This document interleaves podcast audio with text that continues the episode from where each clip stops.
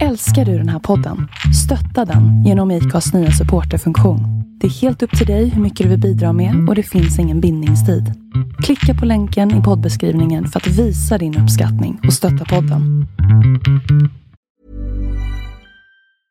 There's never been a faster or easier way to start your weight loss journey than with PlushCare. PlushCare accepts most insurance plans and gives you online access to board-certified physicians who can prescribe FDA-approved weight loss medications like Wigovi and Zepbound for those who qualify. Take charge of your health and speak with a board-certified physician about a weight loss plan that's right for you. Get started today at plushcare.com slash weight loss. That's plushcare.com slash weight loss. plushcare.com slash weight loss.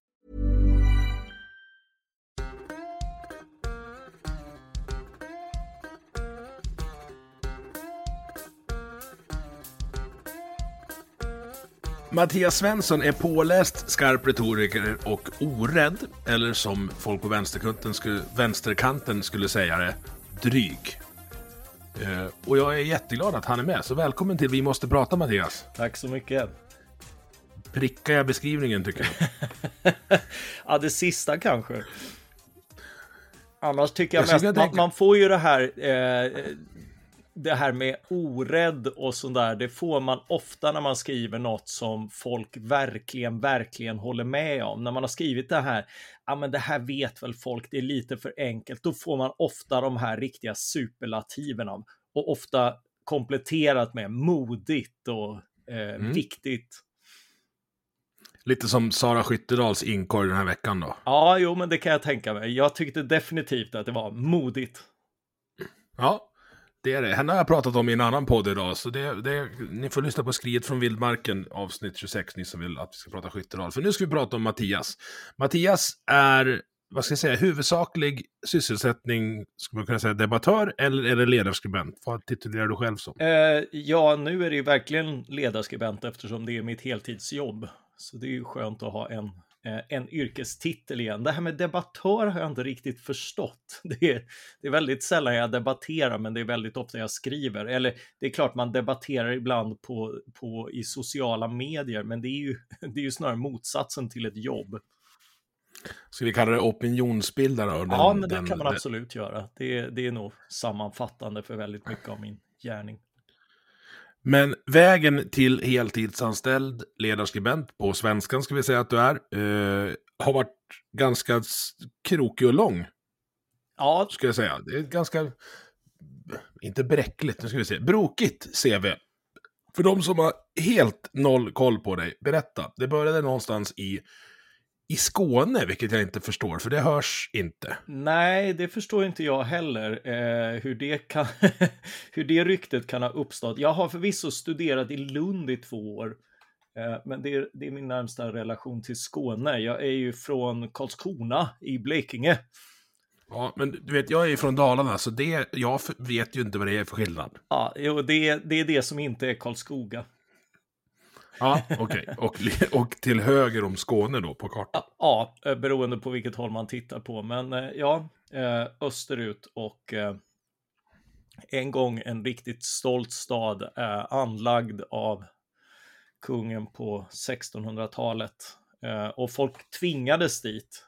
Och jag, jag brukar när jag bodde i Lund så brukar jag svära lite grann där. Hur fan kunde folk bo där frivilligt i Skåne där det är platt och blåser liksom sådär. I Karlskrona har man också motvind när man går runt ett kvarter, men, men dit tvingades folk i alla fall från början. Det är en ganska vacker stad. Frun har några kompisar där nere och jag har liksom tittat på kort. Den är, det är en helt inkaklad ö, eller vad man ska säga. Det är ja. sten, alltså den, den ser den ser fin ut. Ja, eh, då har du varit där på sommaren. Nej, jag har bara sett en ja, mobil. Jag, precis. Aldrig, jag och det är mig, sommarbilder. Eh, ja. men, eh, men då är det fantastiskt. Det är väl lite som hela Sverige. Det är inte så kul nu. Vi hade typ 26 här igår. Och bara, fy fan vad jobbigt det är. Oh, ja. ja. Men, men berätta då. Född i ja, född och Blekinge. i Karlskrona, Blekinge. Uh, och det är ju, det, ja, och vad då? Det är ju lite grann södra Sveriges Norrland, så det var sossigt och, och på dekis. Uh, och uh, sossarna hade alltid styrt och sådär. Så det, det, det var rätt naturligt att, att söka sig till, eh, till liksom någon form av borgerliga eh, idéer. Eh, och eh, jag hamnade i MUF. Och sen, eh, sen så, började, eh, så började jag plugga i Lund och åkte upp i slaget vid Lycksele bland annat där Ulf Kristersson förlorade med tre röster mot Fredrik Reinfeldt 1992. Mm. Eh, men, och, och sen året efter så undrade jag hur eh, försvarsminister Anders Björk kunde administrera ett slavsystem som värnplikten, vilket en del har sett på YouTube.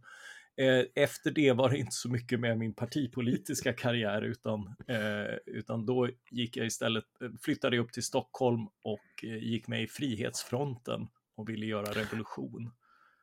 Och det var inte så att du gjorde ett debattinlägg på YouTube till dåvarande försvarsminister nej, Anders nej, Björk? Sån, utan det här... sån teknik fanns inte då, utan det var nej. mina 15 minuter eh, som, som kändis. Eh, det sändes i Aktuellt eh, nyhetssändningen. Det var här var före YouTube fanns.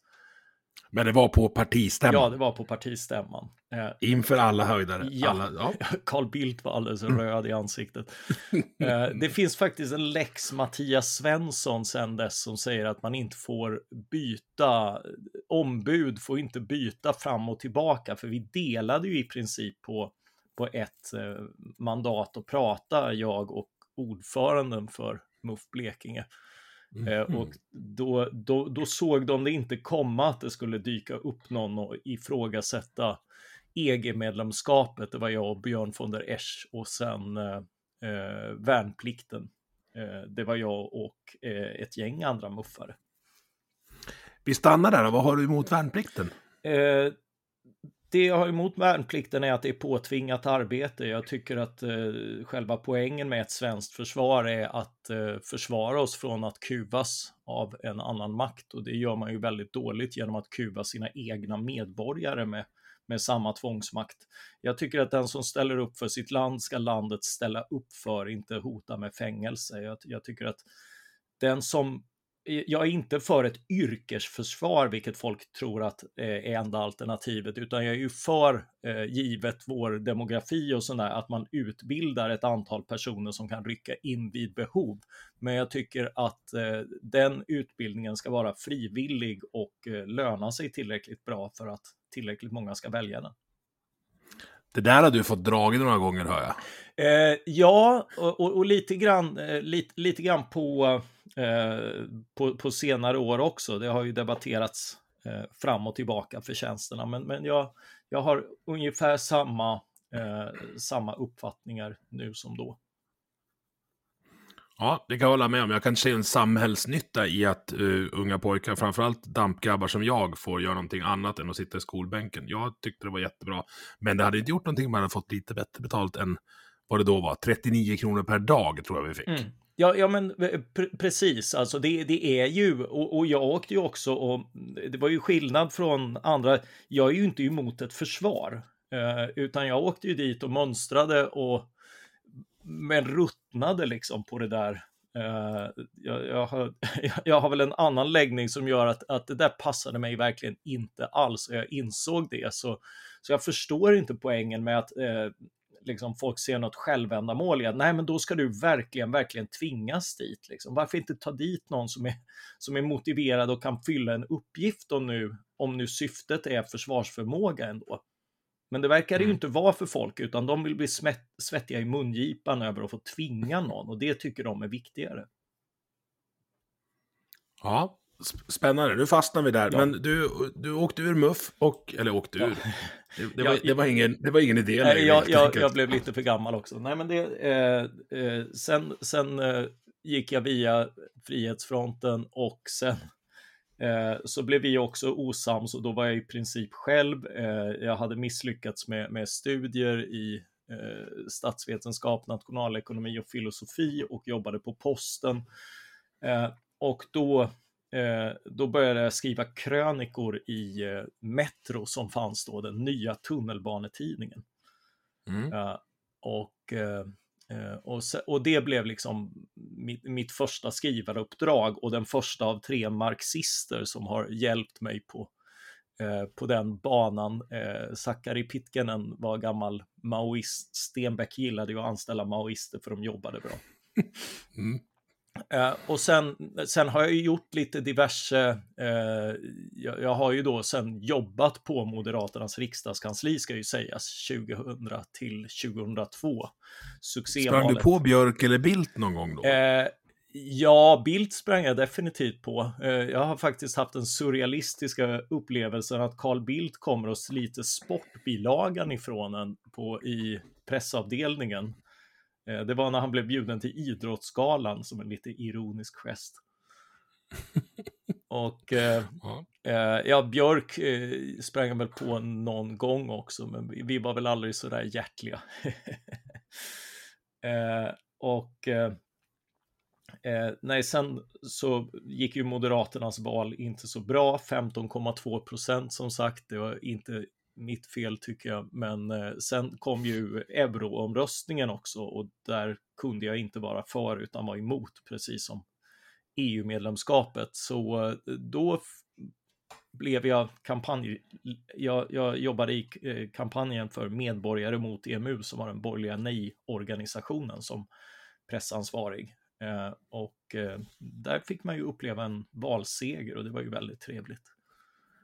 Eh, och, och, gör man det så blir man inte populär hos någon någonstans och sen var jag arbetslös ett tag och sen halkade jag in på Timbro och ägnade mig där åt att eh, så småningom kunna, kunna ge ut Ayn Rands böcker, vilket blev en oväntad försäljningssuccé och eh, skriva några av mina första böcker.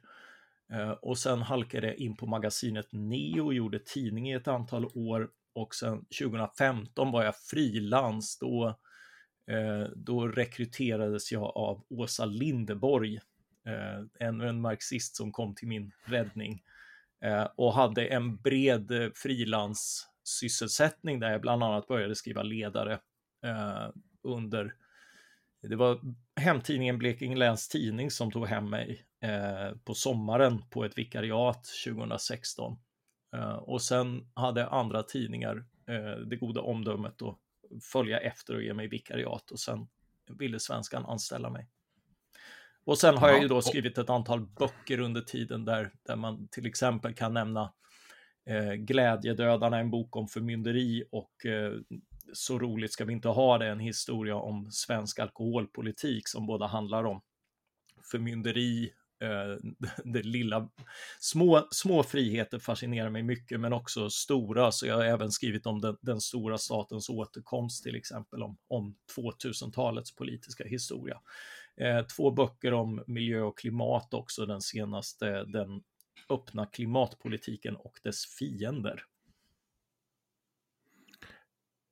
Kollar man igenom boktitlarna så är det frihet är ju ett ord som, som eh, liksom tangerar allting du har skrivit om. Mm. Håller, du, håller vi med om det? Ja, Eller håller absolut. Du med om det? Jag, jag, är ju, jag är ju klassiskt liberal i, i grunden, så, så friheten är ju förstås det absolut viktigaste politiska värdet. Det är också ett ord som det kanske finns lika många definitioner av som det finns, kanske inte människor, men i alla fall liberaler, eller folkpartister då ska jag säga. Det, det, det finns många sätt att beskriva frihet. Jag, jag har min definition ganska klar. Vad, hur ser din ut om du ska sammanfatta det, inte på en timme kanske? ja, eh, nej, men jag tycker att man kan väldigt, eh, sammanfatta det väldigt enkelt i politisk mening som eh, friheten från eh, våld eller hot om våld, alltså tvång. Eh, mm. Att, eh, att till och med staten är hårt begränsad i den legitima användningen av, av våld och tvång mot andra och bara få använda det, eh, det monopol jag tycker att staten ska ha på våldsmakt till, eh, till, till att skydda människor från andras våld och tvång. Och det här upprätthåller ju alla former av av grundläggande så kallade negativa fri och rättigheter, alltså allt från yttrandefrihet och Eh, kontraktsfrihet till näringsfrihet, att, att få starta företag i vilken bransch man vill och eh, att, att flytta och bo var man känner för och eh, att, eh, att, att inte vara begränsad av, av andra människor än, än, eller av staten i, i vad man företar sig. Eh, och, och det är ju liksom en, en, en grundbult för, eh, inte för ensamhet som många tror kring Alltså friheten är ju individuell, men den är ju en grund för att vi ska kunna samarbeta civiliserat med andra, att sociala relationer ska vara frivilliga och inte tvångsmässiga. Mm. Eh, och det är ju oerhört viktigt för, för fungerande sociala eh, ordningar. Ja, och när man det ligger väldigt nära hur jag tänker också, men när man, när man förklarar det här så tror ju folk att man är anarkist och vill ha ett själviskt kaos. Mm.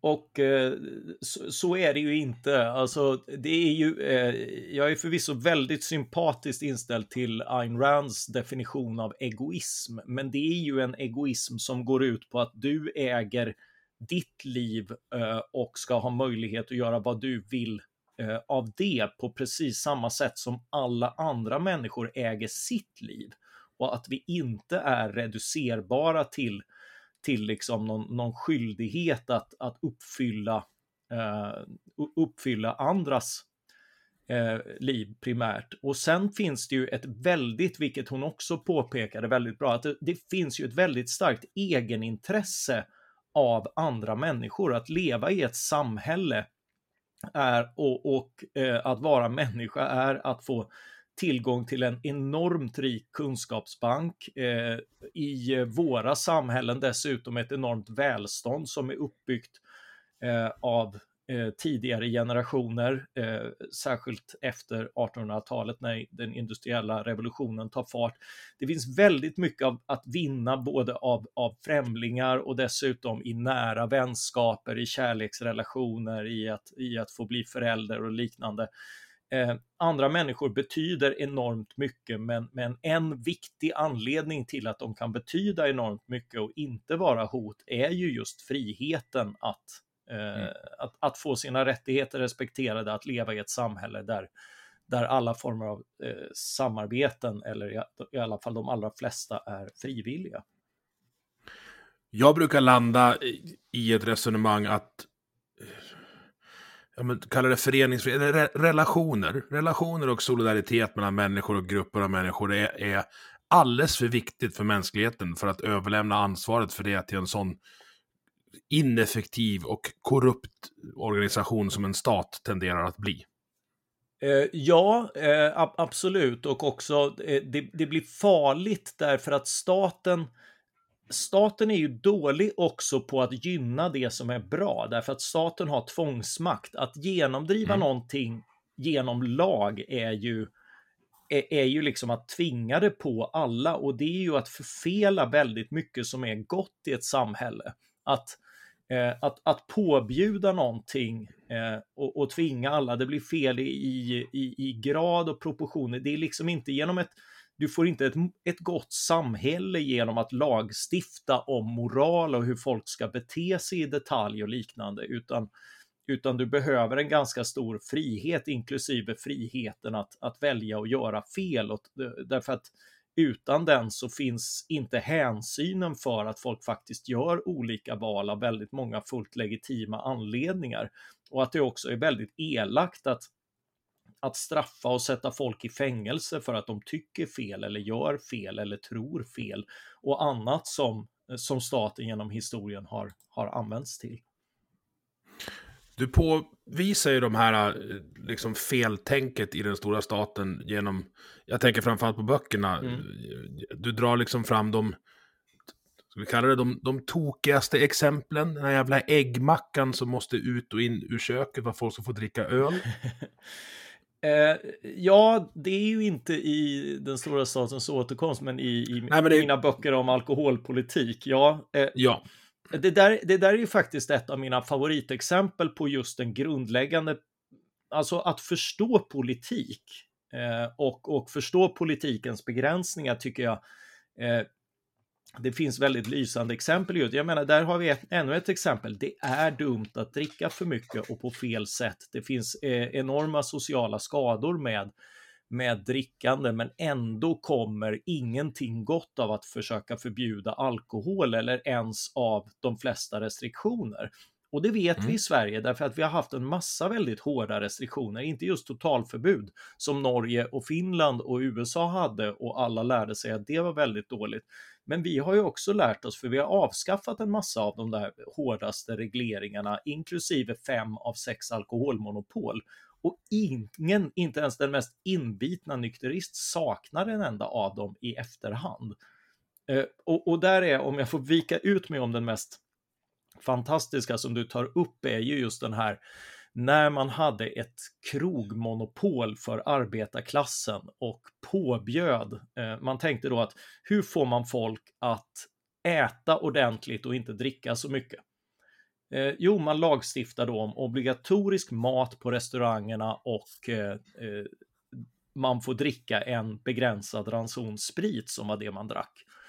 Eh, och så etablerade man en ordning i Göteborg, eh, mycket upplysta socialliberaler som var stolta över, över sina arbetarkrogar, klass 3-krogar där, där folk eh, fick obligatorisk, eh, var tvungna att beställa obligatorisk mat om de ville dricka.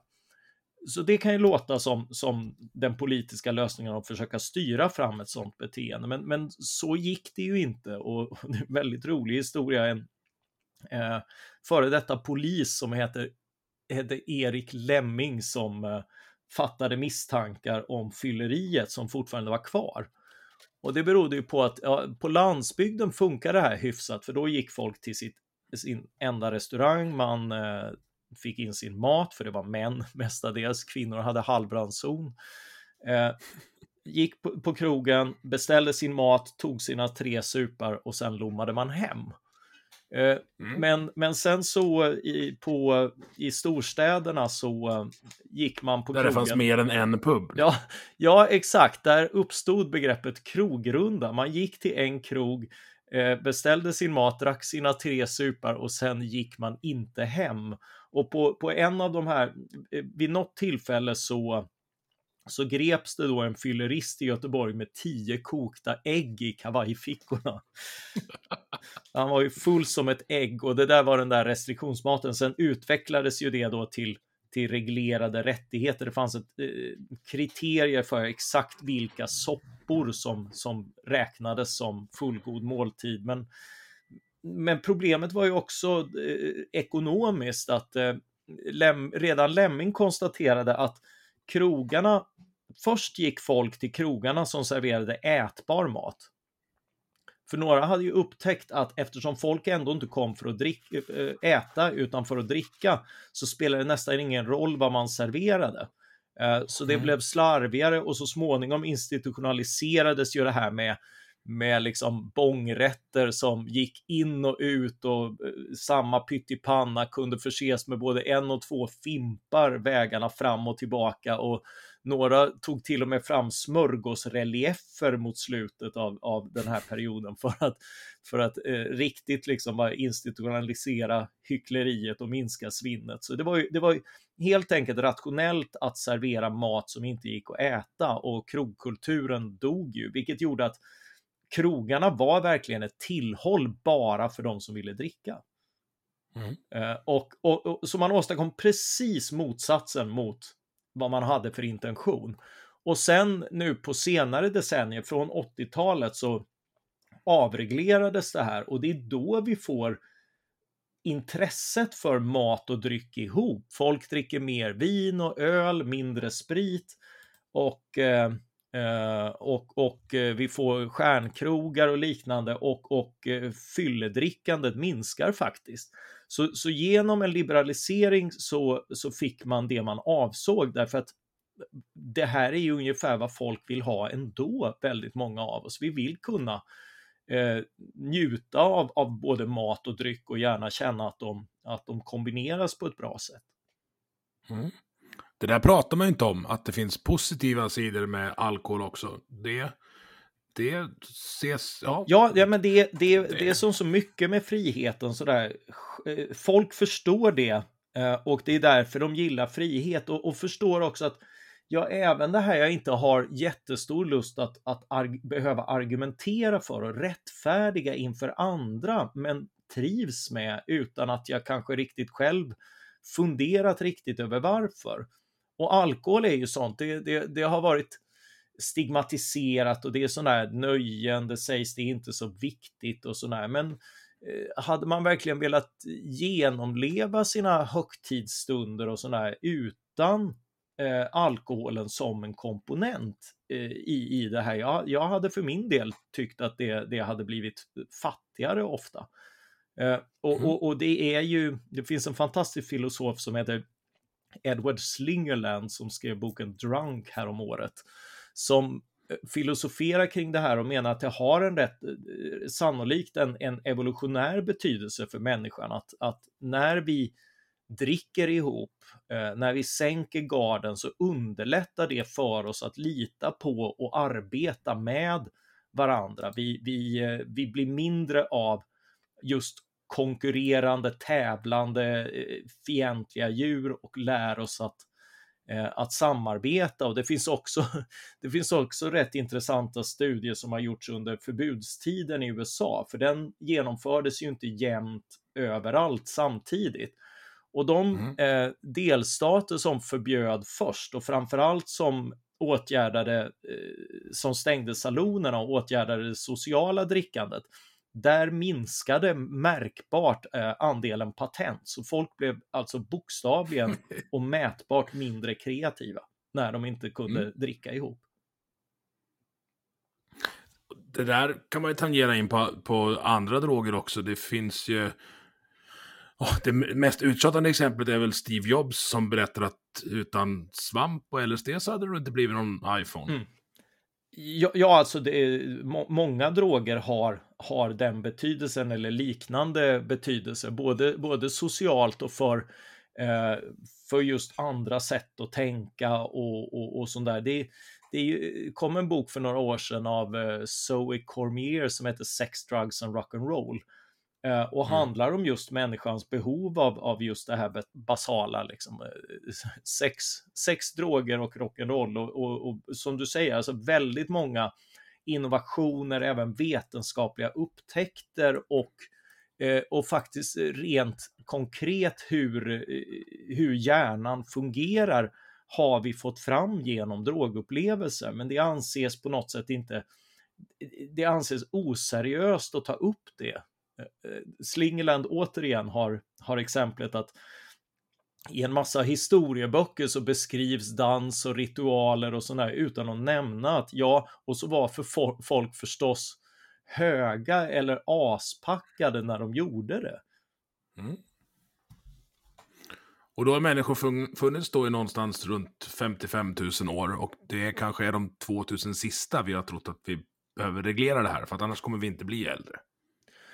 Ja, det, det, det, ligger väl alltid i. Jag menar, vi, vi kommer ju inte från någon slags eh, oreglerat stadium, utan det är ju snarare så att människor har vuxit upp med extrem kontroll, stamsamhällen och liknande, där, där underordning varit normen. Så jag tror, jag tror ändå att den individuella friheten eh, på många sätt är ett modernt fenomen, även om Eh, det har kommit en bok nu, Början på allt, eh, av anarkisten David Graeber och eh, en annan David. Eh, de, de är förvisso anarkister, väldigt vänster och sådär, men men eh, beskriver väldigt tidiga samhällen och en del av dem rymde faktiskt ganska, ganska stor social frihet på olika sätt och, och, och variation som gör att eh, det, det, gjorde mig lite glad att läsa det, att den mänskliga tillvaron verkar ha varit mer varierad och mer spännande under, under en längre period än, än jag riktigt föreställde mig. Men, men, tror... men regleringen skedde då lokalt och på stamnivå? Ja. Inte, inte någon som bodde 25 mil bort? I ett mycket högre hus? Eh, nej, inte nödvändigtvis. Det, det fanns ju sådana också. De hade ju inte exakt, eh, de hade ju mindre kontrollen i det, i det moderna samhället. Men, men, men ja. jag tror ändå att eh, ja, eh, frihet, kreativitet har, har, funnits med oss, men jag tror ändå att den moderna eran är rätt unik i, i inte minst hur stora möjligheter eh, människor har att, att faktiskt göra någonting. För det, det har ju lite grann med den positiva definitionen av frihet att göra. Och jag, jag, eh, att, alltså att friheten att kunna göra saker, att kunna uppnå en massa av sådana här. Det är inte så att vi som förespråkar en negativ politisk frihet inte ser det här värdet, men jag tror ju att det, det förstår, begriper och handlar människor för att uppnå på egen hand i sina liv och i den balans mot andra goda värden som eh, som de önskar eh, och, och, och, därför ska inte staten gripa in och, och, och liksom erbjuda en massa tjänster och sånt där som man tvingas betala för och som därmed innebär att, att du inte kan välja det du kanske helst hade velat ha eller som folk hade velat erbjuda dig på andra villkor. Vart står fronten för, för frihet nu? Då? Vilken, vilken fight är det som, som är den viktigaste att ta just nu och i den närmsta framtiden? A lot can happen in three years, like a chatbot may be your new best friend. But what won't change? Needing health insurance. United Healthcare Tri Term Medical Plans, underwritten by Golden Rule Insurance Company, offer flexible, budget friendly coverage that lasts nearly three years in some states. Learn more at uh1.com.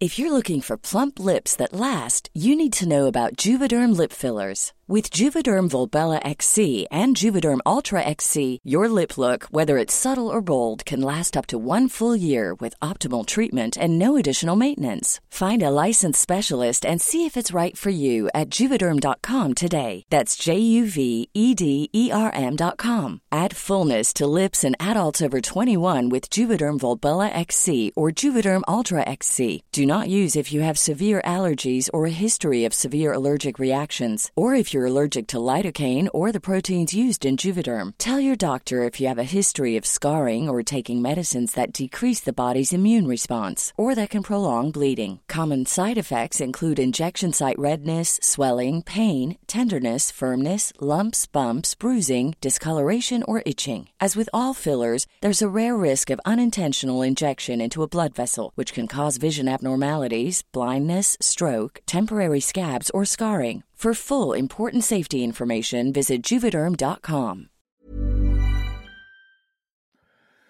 Jag, jag, jag, tror att den frågan är eh, felställd därför att... Eh, det är mycket möjligt. Ja, ja. Nej, men, nej, men, nej, men så här, därför att jag tror inte att det kan vara en och jag tror framförallt att vi skulle ledas ihjäl om vi bara gjorde det som var liksom viktigast i det stora. Eh, mm. Utan utan det, det måste ju vara eh, alltså, alltså, frihet har sina värden i stort och i smått och inte sällan så är det det lilla som illustrerar det stora. Eh, när de första protesterna mot Berlinmuren på östsidan eh, och, eh, eh och därmed mot hela kommunismens förtryckande system, det utlöstes av eh, att det på kort tid eh, 1987 eh, på försommaren hade varit tre konserter med band som alla ville se och så stod det en jävla mur i vägen. Mm. Det, det gjorde att ungdomar blev, blev så. Och, och, och titta nu, protester i Iran eh, mot eh, ayatollorna och det religiösa styret. Det är utlöst av eh, en kvinna som inte täckte sig ordentligt och, och därför blev gripen av moralpolisen. Mm. Eh, så, så på det sättet så är vi ofta hjälpta av de små friheterna eh, i kampen för de stora principerna. Eh, och, och det behöver följa, alltså det, bagatellisera aldrig någon annans frihetskamp, men gå med liv och lust in i, i dem du själv vill föra och, och de frågor som intresserar dig. En del av friheten är ju, ligger ju i att också låta folk betona olika friheter. Och det är också så att de är olika viktiga för oss i olika faser av, av livet beroende på vad vi vill vill göra och vad vi, vad vi håller på med just nu. Det, det är klart att det var viktigare innan jag var 18 respektive 20 med, med åldersgränser på krogen och liknande. Och det har inte bekymrat mig lika mycket på senare år, men, men det betyder ju inte att frågan har blivit mindre viktig. Nej. Jag håller, det, där var, det där var intressant. Jag tänker att man kanske så här, man ska inte bagatellisera eh, svenska kvinnors kamp för jämställdhet med att säga att det är värre för dem i Iran. Det är så här, nej, nej, det är ju ett dumt dum argument. Ät upp för det finns hungriga barn i Afrika. Ja, det är, ja. ja. Eh, Ja, det där, var inte, det där öppnade ögonen lite på mig. Eh, du, jag vill stanna, du, du sa någonting som jag inte riktigt har hängt med i. Sex alkoholmonopol. Ja. Eh, Ja, det fanns olika alltså. ja. Nu finns ja, det ja, bara alltså du, Systembolaget du, kvar. hade ju, du hade ju det fantastiska vin och sprit. Eh, som Ja. var liksom tillverkning eh, och eh, import och export av vin och sprit. Och sen hade ju då leveranser till krogar respektive leveranser till Systembolaget. Allt detta var monopolverksamhet som låg under AB Vin och Sprit.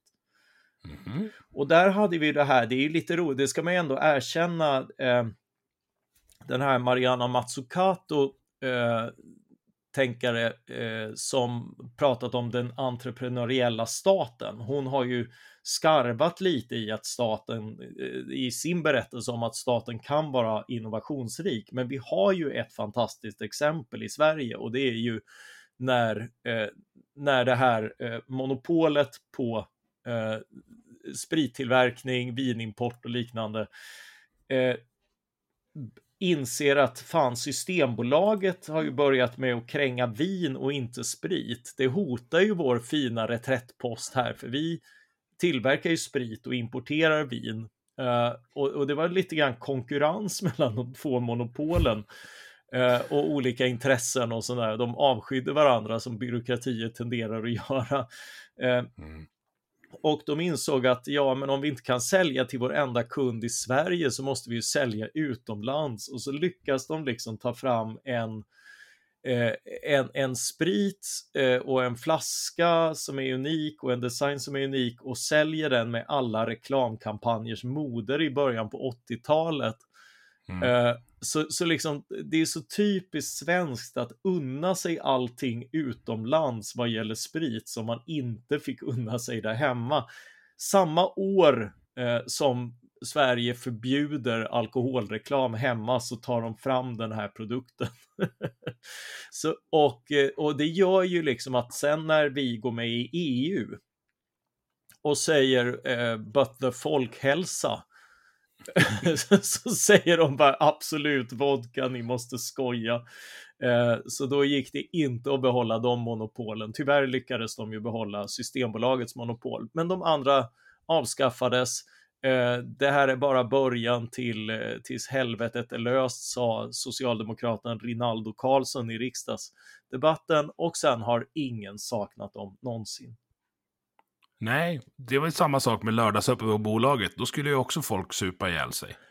Eh, ja, eh, det var ju faktiskt så att när, när det avskaffades eh, lördagsöppet så hade man mätt upp en liten effekt eh, på, eh, på hustrumisshandel. Men det var samtidigt väldigt, det, det var väldigt fishy det där, för det, det var också så att Eh, ja, man- man, såg en annan effekt att liksom det flyttade från fredagen till lördagen för, för utelivet och sådär. Så det var, det var lite ett halmstrå och en ursäkt. Men när man avskaffade vet vi också, eh, eller eh, avskaffade förbudet och införde lördagsöppet igen, då såg man ingen konstaterbar effekt på någon av de här parametrarna. Jag skulle vilja införa kylskåpskrav på Systembolaget. Mm. Ja, jag, jag säger inte emot dig, för, förutom att jag tycker att Systembolagets monopol eh, ska ryka också. Men eh, det är en början. Ja, och det där, som du sa tidigare, det får oftast motsatta effekter. Jag har, jag har kompisar som har, jag har flera kompisar som har sådana hantverksbryggerier. Mm. Och deras tillvaro är jävligt spännande. Eh, för de får ju egentligen inte sälja eh, ölen de brygger på bryggeriet. Så de också, måste också starta restaurang. Ja, om, de får servera, men de får inte sälja så att någon tar med sig. Och de får servera i 15 centiliters glas. Och inte, eh, och det måste vara tre olika, för det man beställer är inte öl, utan det är en provbricka. ja, så de har ett prövningstillstånd. Ja, så är Och det. det blir värre. Ja, det är ju prövande. För- Ja, för de kan också få kiosktillstånd, heter det. Eh, det vill säga att de blir, de blir i princip ett sånt här systembolagsombud, men bara för sitt eget varumärke. Mm. Så då får de sälja lådvis. Om eh, de har skjutsat grejerna fram och tillbaka till Örebro först. Där då centrallagret ligger. Så då måste de åka dit med en lastbil, lassa av, scanna streckkoden på alla lådor, skjutsa tillbaka dem och så säljer de på andra sidan väggen från där de är upptappade. Vad va underbart ändå. Alltså, jag, jag har ju ändå skrivit en hel bok om, om Sveriges alkoholpolitiska historia och så lär jag mig ändå någonting nytt och det är så pass Mm. absurt att eh, man egentligen inte borde tro det. Men jag sväljer det på grund av allt jag hört tidigare. Ja. Och vill du veta vad som är roligt då? Oh ja. Det blir värre. För det här resulterar i att nu skiter de i centrallagret Örebro och så skickar de ner lastbilen till Danmark. Ja. För ö- svensk öl som har hamnat i Danmark får Postnord leverera till min dörr. ja, ja, förstås. Mm. För då är det import. Mm. Eh, vart är Miljöpartiet när man behöver dem? Ja, exakt, exakt. Jag tycker de, verkligen de ska lyssna här. Eh, lyssna nu, Miljöpartiet. Eh, det var, Ja, jag hade ju Lorenz med förra veckan, Ja. för två veckor sedan, men han eh, är ju inte i riksdagen längre. Nej, men han köpte argumentet, eller? Ja, vi pratade mest om att jag ville bygga ett kärnkraftverk. Ja. Nej men alltså sånt här, det, det, jag har ju fler exempel och det här är ju lite min pet peeve, så att eh, skatt, det är allting. Så det är förmynderi, skatteslöseri och miljöförstöring i en stor statlig kompott. ja. Som, som gör att man jag liksom har, inte vill betala skatt alls. Ja, eh, apropå miljöpartister har jag hört att de, eh, de lät, eh, lär ha övertalats att eh, bevilja alkoholserveringstillstånd på Malmö stadion eh, med argumentet att då kanske färre skulle ta bilen. Ja, det, det, mm. Det, alla argument är bra. Nej men det blir ju bisarrt, alltså det går ju att skratta åt, men det, det här är ju, som jag sa rörande mellanmänskliga relationer, att det är för viktiga grejer för att låta staten hantera det. Ja, jo, det är ju bevisligen folkhälsan och miljön också då. Oh ja, jag, jag menar, staten ska ju inte röra sprit och den ska definitivt inte röra droger. Eh, därför, därför att det missbruket av, av makt eh, och de resultaten tvärt intentionerna som, som förstås är eh, det finns knäppskallar, men jag tror verkligen att, att, att de flesta som stödjer narkotikaförbudet är, är genuint övertygade om att det är ett sätt att hjälpa människor och hindra människor från att eh, hamna i drogmissbruk och liknande. Det är bara det att resultatet borde ju för alla som tittar på det tala för sig självt vad gäller allt från gäng som skjuter på varandra i eh, i, i konkurrens om marknader, vilket sällan händer på, på andra eh, privata marknader. Det, Mm. det är inte så ofta apotekare gör upp på det sättet. Eh, och, eh, och ändå säljer de lite av samma saker, fast lagligt kontrollerat, reglerat och beskattat. Mm. Eh, och, och det skulle man förstås kunna göra med, med droger också, och borde göra eh, med droger också. För det är det vanligaste argumentet när man, när man pratar. Jag fick ta den idag på paddelhallen till och med. eh, Att, ja men så här, vill, du, vill du släppa drogerna fritt? Och bara, motherfucker, öppna ögonen. Det är fritt. Det är fullkomligt fritt. Till och med här. Alltså jag bor i Leksand. Mitt ute på svenska landsbygden. Mm. Det skulle ta mig en kvart att få tag på vad jag vill. Dygnet runt. Ja, det är nästan som man, som man inte vill åtgärda en så fin tillgänglighet. Men det, det, det, det är ju inte alltid så trevliga typer som, eh, som säljer och det är ju det som är det stora problemet. Precis. Hur skulle du vilja att den svenska drogmarknaden såg ut? Eh, Du har, du har 51 procent i två mandatperioder nu. Kör. ja, eh, nej men eh, det, det mesta skulle jag eh, släppa för försäljning i, eh, ja antingen eh, jag, jag, jag tror på så fri försäljning som möjligt och så får man se vilka som är intresserade eh, med, med liksom produktreglering så man noga visste vad man hade. Eh, Mm. och, och det gäller väl, eh, ja men Mariana eh, och, och eh, psykedeliska droger, eh, ecstasy, kokain. Det som är det som är problematiskt är ju, är ju opiater av olika slag, för där, där finns en väldigt, en riktigt elak beroendeproblematik. Men jag tror fortfarande mm. att någon form av legal försäljning ihop med ett, och, och, där tror jag att det finns ett offentligt ansvar, en, en legal förskrivning till folk som blivit beroende så att de aldrig hamnar i händerna på de tunga konsumenterna ska inte göda organiserad brottslighet.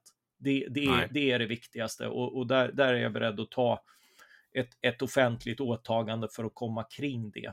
Eh, men jag tror, jag tror fortfarande att det är bättre att ha en form av, av legal marknad, men, men kanske eh, man, får, man får experimentera sig fram lite grann, men kanske lite hårdare reglerad än, eh, än för andra droger. Men säger du inte emot dig själv lite? För det du pratar om nu är ju ett systembolag.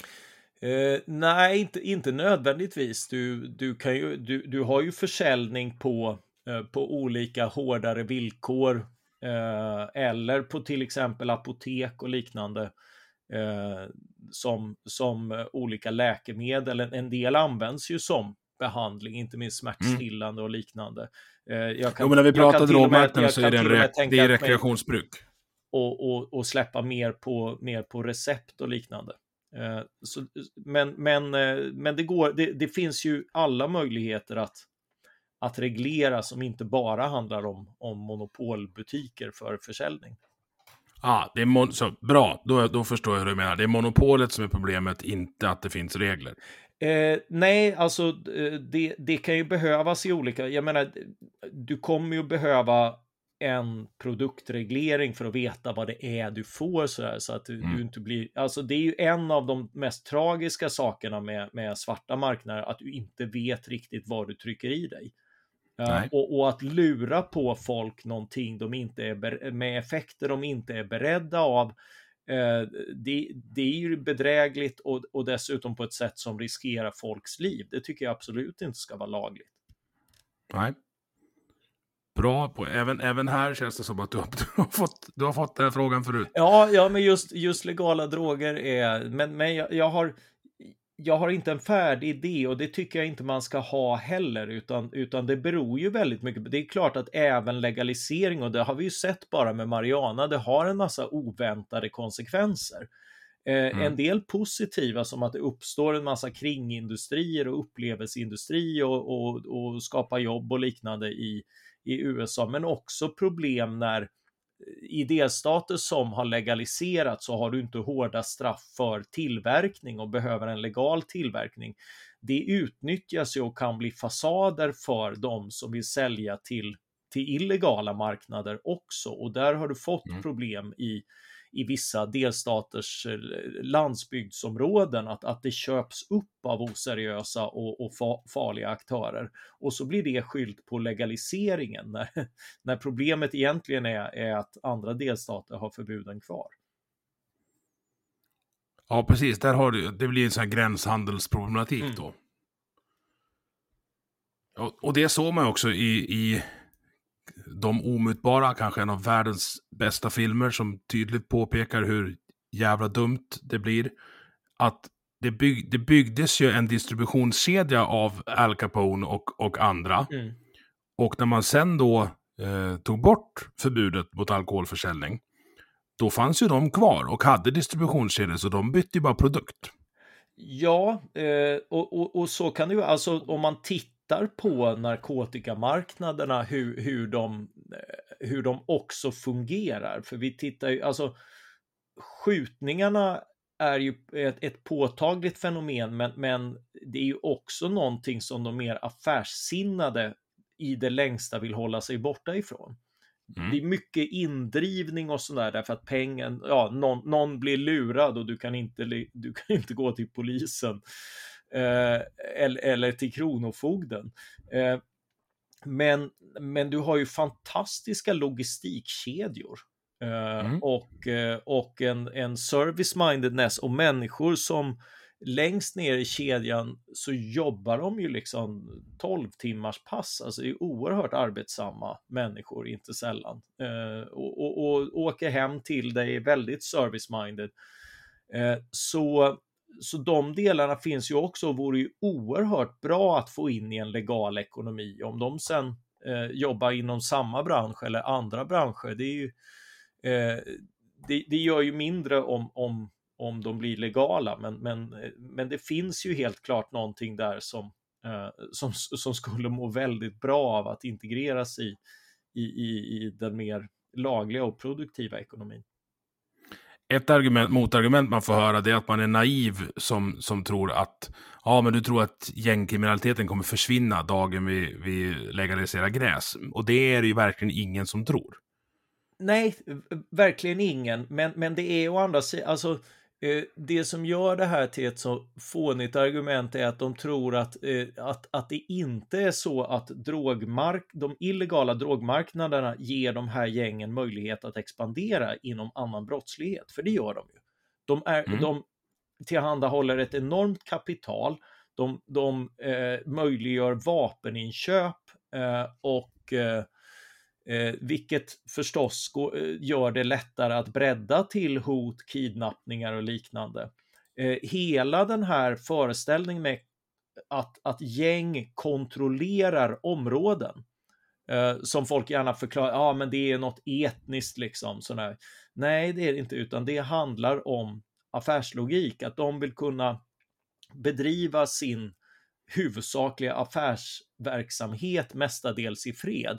Så mm. därifrån så, så expanderar ju drogmarknaden till utpressning, hot och eh, eh infiltration av, eh, eh, av, av eh, kommun, personal och annat. Alltså hela den här ambitionen att att, att äga ett område handlar om narkotikamarknader och skulle inte vara lika starkt nödvändigt eller ekonomiskt motiverat om du inte hade den brottsligheten.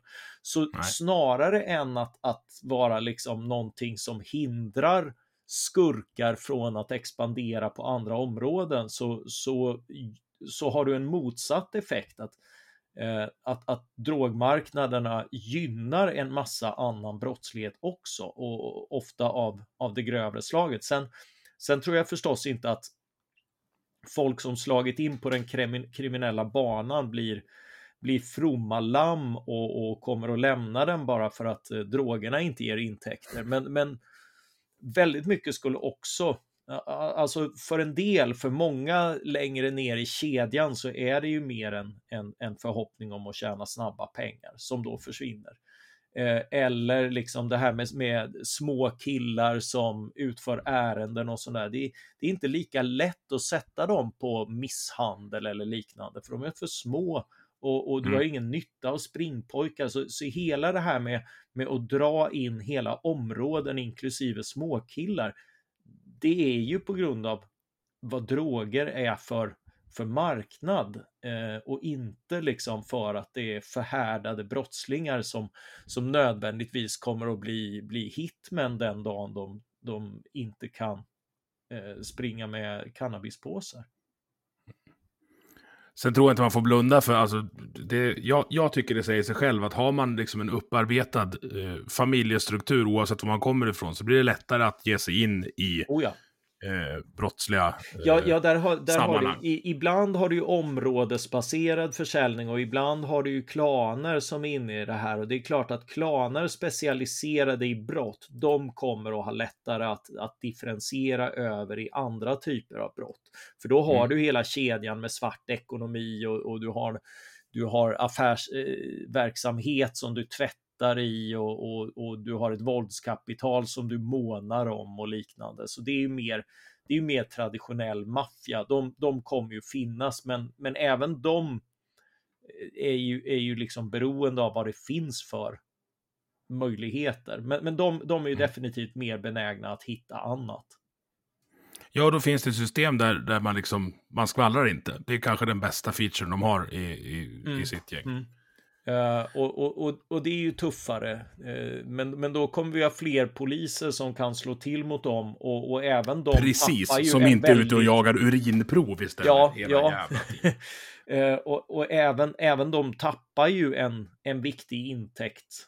Så, och, och det är ju sällan bra. Mm.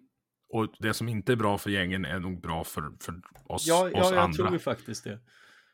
Jag brukar säga till folk som jag träffar på som ja, men jag är liberal och bara, ja, du menar folkpartist? Bara, ja, ja, fast jag är liberal på riktigt. Mm. Och bara, jaha, tycker du att jag ska få försvara mitt Mariana växthus med automatvapen? Eh, och det, det tycker de aldrig. Eh, vilket leder mig in på, på en annan reglerad marknad som ju är eh, vapen. Mm. Vad har du för inställning där? Ja, jag har inte den amerikanska vurmen för eh, vapenägande som en absolut rättighet. Jag ser det som en avvägning mot våldsmonopolet på ett helt annat sätt än, än många andra varor. Eh, Mm.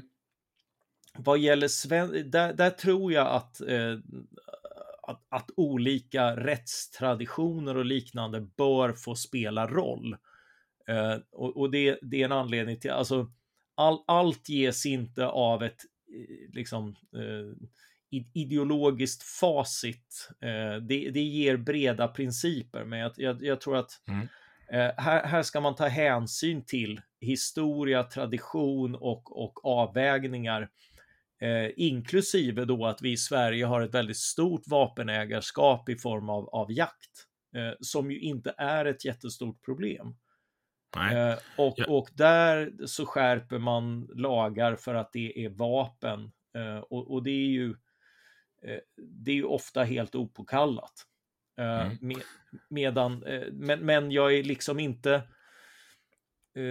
jag, jag ser inget självändamål i att, i att väsentligt utöka och, och, och generalisera en, en rätt att bära handeldvapen för, för gemene man, utan, utan eh, det, eh, det, det, det, det, ser jag, eh, det, finns en fara i, i att liksom ta, ta in en sån modell och vilka som skulle utnyttja det eh, i, i, i ett samhälle.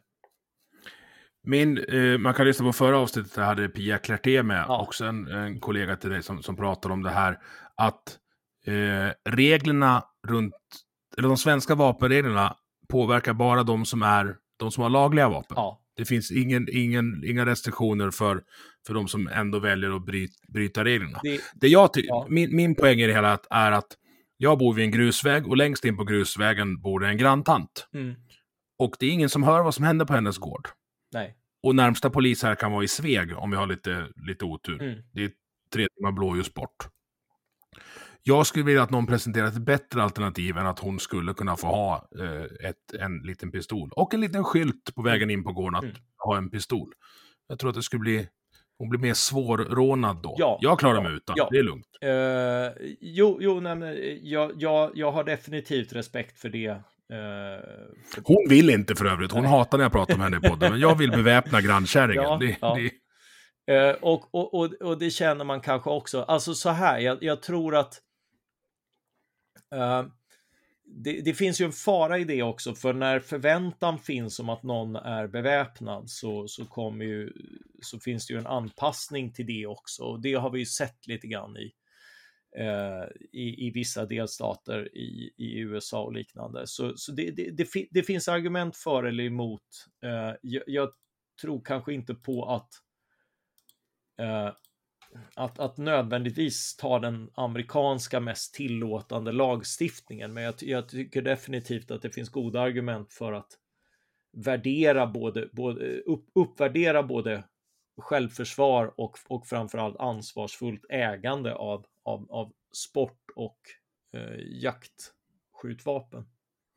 En lösning på det hela skulle ju faktiskt kunna vara att vi eh, slutar jaga brukare av lätta droger och låter polisen försvara min granntant istället. Ja, det är ju också. Eh, jag, jag, jag, jag, jag är väldigt mycket för våldsmonopol. Sen tycker jag att man, man ska ha en grundläggande rätt att försvara sig, men det är ju som sagt en, en avvägning när det försvaret eh, går över i eh, oproportionerligt. Och, och just med Mm. skjutvapen är det väldigt lätt att gå över den gränsen och det är väldigt svårt att göra ogjort. Ja, så är det. Men mer frihet. Det var kul att vi var lite, jag ska inte säga att vi är osams, men inte överens heller. Jag skickade en skylt till dig på Messenger nu också som sitter på vägen. Den sitter på mitt garage nu, för jag vill inte ha det ute på vägen. Eh, jag kan lägga in den eh, i avsnittsbeskrivningen också. Eh, jag vill ju... Lysande.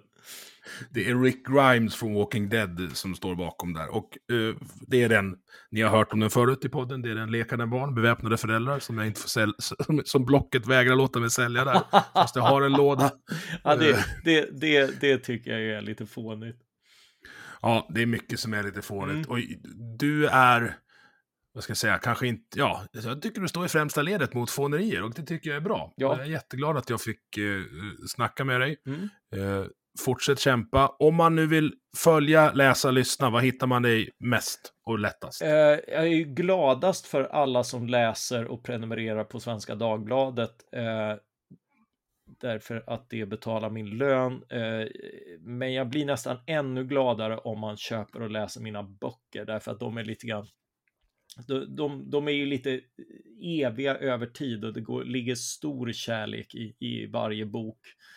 Eh, så så eh, är man intresserad av dem. Eh, och jag, jag, tror, inte minst alkoholboken Så roligt ska vi inte ha det och även Glädjedödarna har en stor publik där ute som även de som inte nödvändigtvis håller med mig som, som kan läsa den med behållning. Eh, sen kan man följa mig i sociala medier. Jag finns på Twitter, Mattias streck Neo Uh, och... Vi har inte ens pratat om Neo. Det får bli nästa gång. jag, sitter, jag har det på Wikipedia-sidan här. Vilken jävla laguppställning. Ja, ja jo, det var, det var väldigt roliga år. Vi, vi har ju en ganska liknande nu på svenskan förstås. Uh, ja, så den kan man få om man, uh, om man följer oss där. och jag finns ju i poddar då också på, på svenskan.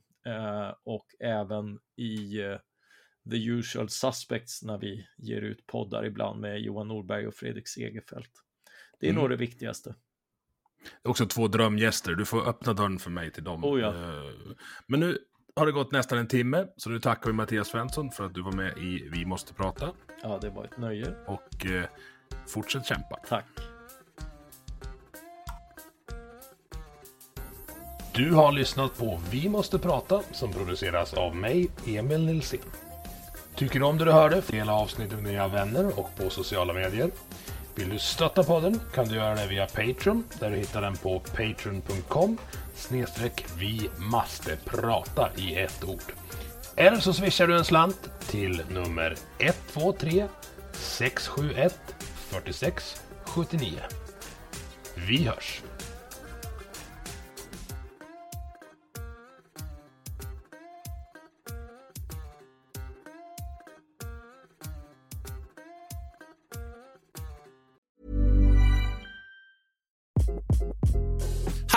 This is Craig Robinson from Ways to Win, and support for this podcast comes from Invesco QQQ, the official ETF of the NCAA. The future isn't scary, not realizing its potential, however, could be. Just like on the recruiting trail, I've seen potential come in many forms as a coach. Learn more at Invesco.com slash QQQ. Let's rethink possibility. Invesco Distributors, Inc.